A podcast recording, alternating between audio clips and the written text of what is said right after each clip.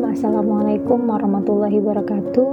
Alhamdulillah telah sampai di episode spesial kali ini karena kita akan membahas mengenai serba-serbi Lailatul Qadar dan ini terkait dengan perempuan. Jadi kita akan ngobrol secara ringan gimana sih perempuan itu bisa mencari atau bisa mendapatkan malam Lailatul Qadar. Kalau kita bicara mengenai Lailatul Qadar, maka kita pasti akan teringat dengan malam yang itu jauh lebih baik kata Allah dari seribu bulan. Ada yang mengatakan bahwa ini merupakan malam yang dihadiahkan kepada umat Muhammad. Jadi ini hadiah dari Allah untuk umat Muhammad. Jadi tidak ada malam Lailatul Qadar sebelum Nabi Muhammad. Jadi ini khusus untuk umatnya Nabi Muhammad karena umatnya Nabi Muhammad itu memiliki umur yang pendek ya rata-rata kurang lebih umur uh, manusia di dunia ini yang menjadi umat Muhammad kurang lebih di 60 sampai 70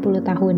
Nah, maka Lailatul Qadar Allah berikan sebagai hadiah kepada umat Nabi Muhammad agar dia bisa menjalani atau mendapatkan nilai ibadah yang begitu besar gitu yang tidak bisa dicapai kalau misalnya dia hidup gitu. Kalau dia hidup atau berumur panjang palingan 70 tahun ya rata-rata. Dan ini e, bisa dikompensasi dengan adanya Lailatul Qadar ya Masya Allah. Nah Lailatul Qadar merupakan malam yang istimewa malam yang di mana malam ini adalah malam-malam di mana Allah menurunkan Al-Quran kepada Rasulullah. Jadi kita bayangkan malam yang itu turun ayat suci gitu ya. Ke muka bumi ini dari Lau Mahfuz kemudian diturunkan ke Baitul Izzah.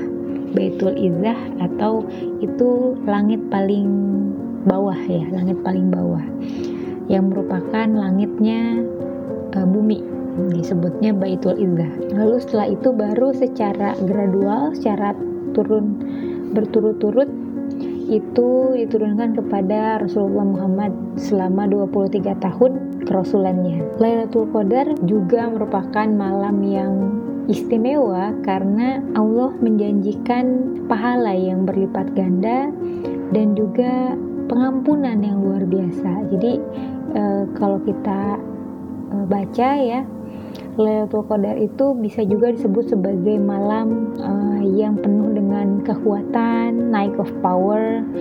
Ada juga yang menyatakan sebagai night of value, maka dalamnya tuh ada banyak kebaikan gitu. Dan ini juga disebut sebagai malam yang sempit. Nah, sempit kenapa? Sempit sesak karena pada malam Lailatul Qadar Allah menurunkan banyak sekali malaikat malaikat-malaikat Allah yang turun ke muka bumi ini sehingga penuh sesak. Bumi itu penuh sesak dengan malaikat, yang mana malaikat ini diciptakan dari cahaya, jadi bumi dilimpahi oleh cahaya yang begitu banyak, dan saking dilimpahi oleh cahaya ini, maka tidak ada keburukan, tidak ada setan yang bisa muncul di situ. Jadi ini luar biasa. Kita dipermudah untuk melakukan amal soleh. Dan di malam ini adalah malam di mana kita bisa mengubah takdir kita. Makanya dikatakan malam Lailatul Qadar. Lailatul itu malam Al-Qadar. Al-Qadar itu takdir ya. Jadi kalau secara bahasa ini adalah malam di mana seseorang bisa mengubah takdirnya. Eh, setiap kita lahir dengan takdir yang sudah ditetapkan oleh Allah jauh-jauh hari sebelum kita dilahirkan di lauh mahfuz sudah tertulis. Namun setiap malam Lailatul Qadar maka Allah bisa renew, bisa memperbarui gitu ya. Bisa mengubah takdir seseorang itu dengan amal soleh yang dia lakukan di malam ini, di malam Lailatul Qadar di 10 hari terakhir Ramadan. Maka nggak heran kalau misalnya banyak eh, orang-orang uh, yang mencari, orang-orang yang mengupayakan dirinya untuk bisa beribadah secara maksimal di 10 hari Ramadan. Karena ini adalah malam yang harusnya membuat kita jadi berharap harusnya membuat kita menjadi lebih bersemangat gitu ya. Jadi kita mau nge-push diri kita mau mendorong diri kita untuk sampai pada limit bahkan mendahului atau melampaui limit kita agar kita bisa beribadah kepada Allah. Sebagai perempuan tentunya uh, kita punya banyak dalam tanda kutip keterbatasan ya. Uh, kita sebagai perempuan punya tanggung jawab di rumah dengan anak-anak yang harus kita urus, dengan rumah yang harus kita urus, dengan pekerjaan-pekerjaan domestik yang gak ada selesainya. Dan menurut saya ini adalah amal soleh juga buat perempuan. Jadi jangan sampai kita perempuan berkecil hati ya dengan adanya malam Lailatul Qadar ini karena kita punya keterbatasan. Kita tidak bisa sebebas laki-laki ketika kita bicara soal iktikaf misalnya. Kita nggak bisa seperti laki-laki yang bisa begadang semalaman untuk sholat dan untuk e, beriktikaf di masjid. Karena ya kita harus mengurus keluarga kita seperti itu. Nah, dan ini adalah sesuatu yang seharusnya membuat perempuan tidak berkecil hati akan apa yang menjadi aktivitasnya di rumah ya. Allah tidak mengecilkan aktivitas kita yang ada dalam rumah seperti halnya ketika dulu ada sahabiah yang bertanya kepada Rasulullah ada sahabiah yang protes kepada Rasulullah ketika dia melihat suaminya begitu getol, begitu rajin, begitu ulet gitu ya dalam berjihad. Jadi dia bisa keluar rumah bebas kapan saja dan dia berjihad dan dia memiliki kesempatan yang sangat besar untuk meraih syahid seperti itu. Maka Swabiah yang melihat itu menjadi iri gitu ya, menjadi uh, cemas. Bagaimana dirinya yang notabene adalah perempuan di rumah dengan berbagai drama ya? Drama anak GTM ya drama rumah acak-acakan ya, belum lagi si cibiran-cibiran tetangga ya. Banyak drama yang terlibat dalam perempuan dan dia merasa bahwa gimana saya bisa meraih syahid juga ketika urusan saya hanya berkisar di antara halaman sampai dapur seperti itu. Nah, maka waktu itu Sahabiyah protes kepada Rasulullah, ya Rasulullah, ketika para eh, laki-laki uh, bisa dengan mudahnya keluar rumah dan meraih syahid, maka kita perempuan bisa meraih syahid dengan apa? Begitu kata Sahabiyah ini. Nah, maka Rasulullah pada saat itu berkata bahwa sesungguhnya setiap perempuan yang ditinggalkan dan kemudian uh, menjaga rumahnya uh, bertanggung jawab atas Eh, rumah itu atas anak-anaknya sehingga suaminya bisa dengan tenang berjihad maka baginya adalah senilai jihad itu ya senilai dengan kepergian suaminya senilai dengan syahidnya seorang laki-laki di medan perang ya. Masya Allah berarti ini sebuah kabar gembira ya bagi kita seorang perempuan bahwa aktivitas kita secara domestik misalnya di rumah memiliki keutamaan juga, memiliki peluang juga untuk meraih uh, ridhonya Allah, untuk meraih amal soleh yang luar biasa besar. Begitu juga di malam Lailatul Qadar ini. Kita dengan aktivitas kita dengan anak, kita harus berupaya gitu ya kita harus um, apa ya harus harus berharap gitu ya harus harus bersemangat dalam arti walaupun kita mungkin ketika sholat pasti digangguin sama anak ketika kita zikir anak itu juga masih gangguin kita. Ya kita dengan keterbatasan keterbatasan kita di rumah semoga itu bisa menjadi amal soleh ketika kita meniatkan itu adalah bagian dari ibadah kita. Itu adalah bagian dari bagaimana kita menjaga baik menjaga rumah tangga kita sehingga suami kita bisa dengan tenang beramal soleh berjihad. Seperti itu.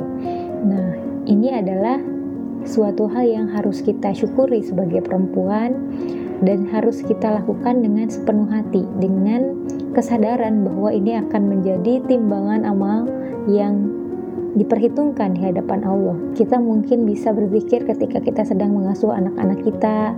Kita mungkin bisa mengajari anak-anak kita mengenai makna Lailatul Qadar, mendampingi mereka dan menemani mereka untuk sholat walaupun pasti sholat bersama dengan anak-anak itu akan berbeda ya dengan ketika kita sholat sendirian. Yang biasanya lebih khusyuk ketika ada anak-anak menjadi lebih riuh harus repot rariwe gitu ya.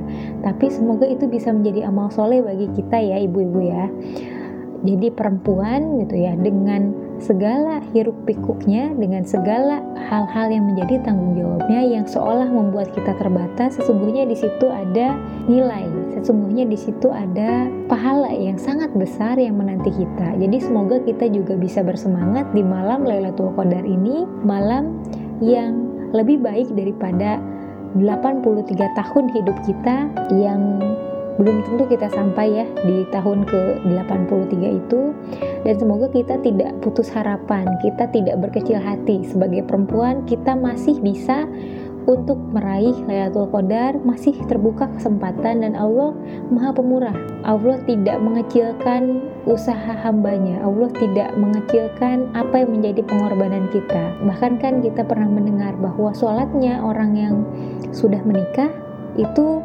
jauh berkali-kali lipat lebih baik daripada sholatnya orang yang jomblo ya Kenapa? Karena pengorbanan yang dilakukan begitu besar ya. Kalau saya rasakan sendiri ketika menjadi ibu rumah tangga dengan dua orang anak, sholat wajib aja menjadi pengorbanan yang begitu besar karena riuh ya. Anak harus gimana, ditinggalin tapi harus dijagain dan lain sebagainya untuk memastikan dia tetap aman, nggak nangis, nggak terjatuh dan lain sebagainya.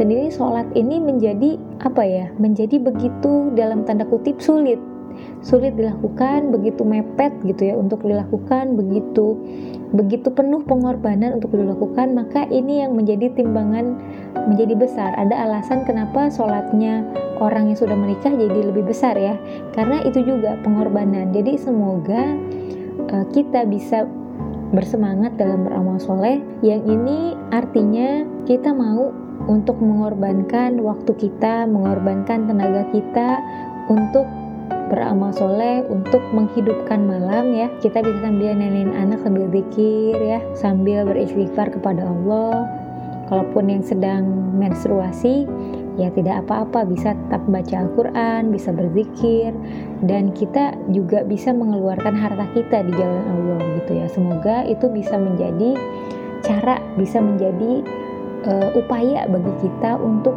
mendorong diri kita untuk nge-push diri kita agar mau mencapai Lailatul Qadar dan kita menjadikan ini sebagai momen untuk mendidik anak-anak kita juga gitu. Seperti halnya bagaimana Lubabah Al-Kubro bisa mendidik seorang anak yaitu Abdullah ibnu Abbas sehingga beliau menjadi ahli fikih di usianya yang masih 15 tahun. Dia memberikan fatwa yang luar biasa di usianya yang 15 tahun.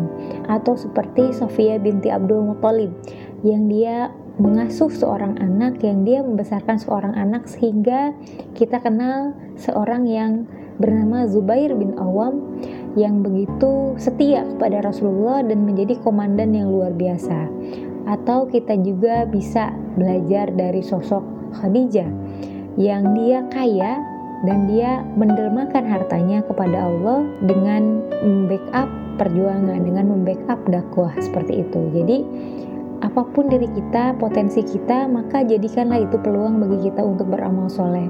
10 tahun, 10 tahun maaf, 10 hari terakhir ini mari kita sama-sama mengupayakan uh, diri kita yang terbaik terus didorong untuk lebih-lebih lagi dalam berupaya yang uh, pekerjaannya seperti saya konten kreator gimana caranya bisa tetap belajar jauh lebih banyak di 10 hari terakhir ini yang punya anak-anak banyak bagaimana kita bisa membersamai anak kita dengan Al-Quran membuat mereka lebih dekat dengan Allah. Di 10 hari terakhir ini kita mempersiapkan keperluan suami kita mempersiapkan keperluan anak kita dan juga untuk yang memiliki harta bagaimana kita bisa mengeluarkan harta ini tanpa hitung-hitung ya di 10 hari terakhir ini ya.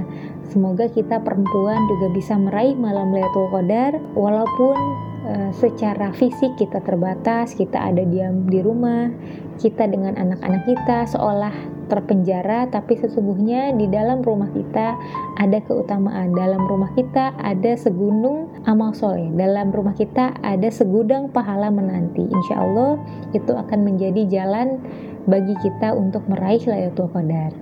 Nah, semoga teman-teman bersemangat ya uh, para singgelilah dan double-lilah ya yang udah punya ekor banyak. Semoga ini menjadi semangat.